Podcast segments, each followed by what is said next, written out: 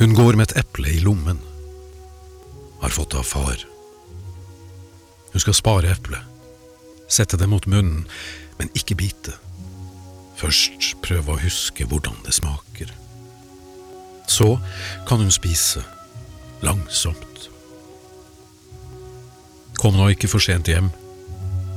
Nei, far, jeg skal bare gå langs parken en stund. Eplet er så hardt, far. Kjenn. Miranda, det kommer helt fra Amerika, men det er hemmelig.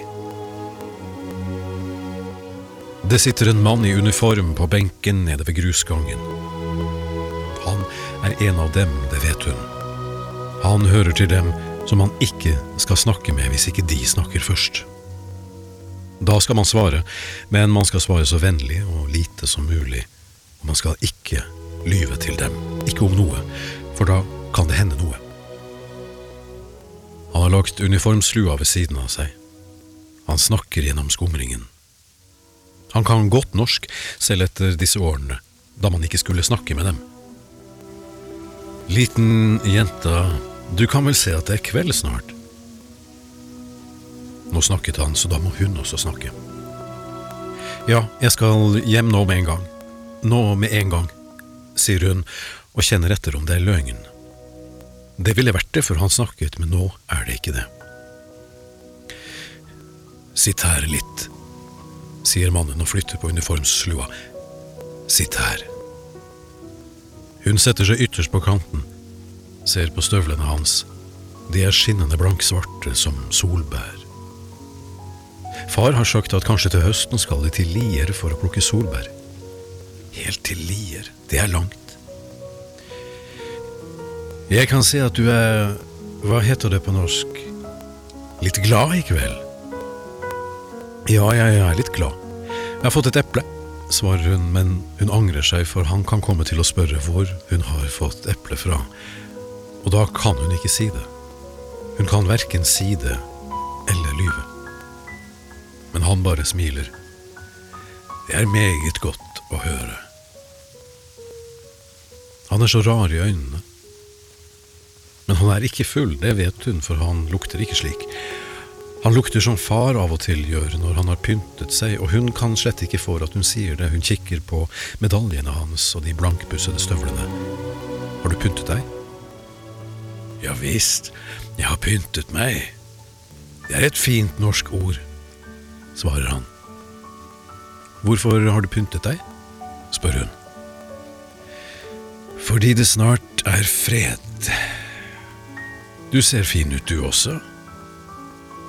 Takk, svarer hun og har brått lyst til å sitte litt til. Men så ser hun at han flytter den venstre hånden, retter på frakken, og det er en pistol der. Han skyver den fort under hoften igjen, men hun har sett den, og hun blir så redd at det ikke er til å holde ut.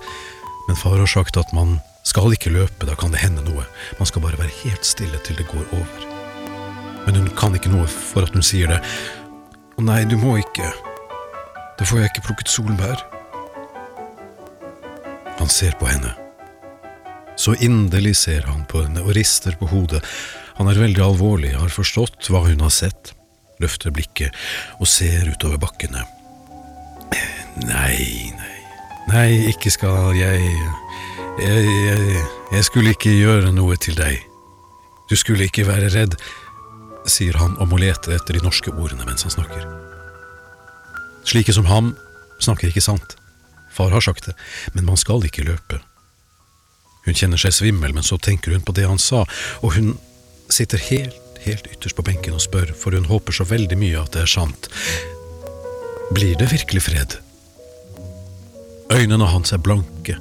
Snart er det mørkt. Hun må hjem.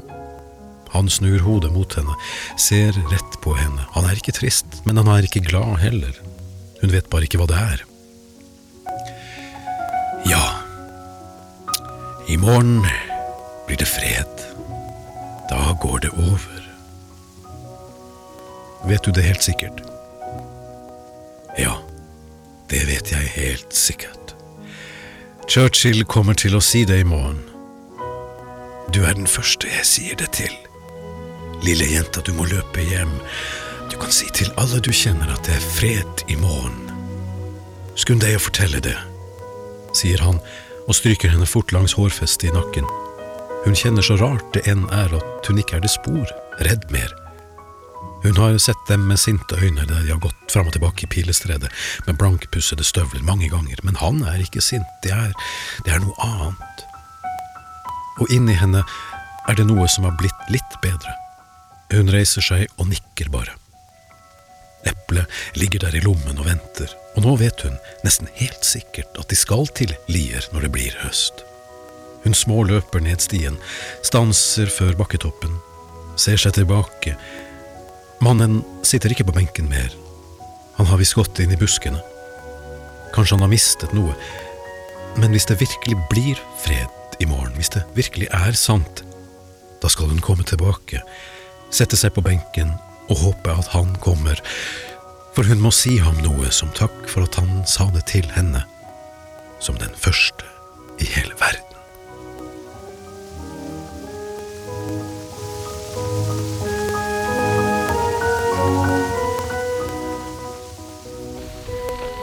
This is London. The Prime Minister, the Right Honourable Winston Churchill. Yesterday morning at 2.41 a.m.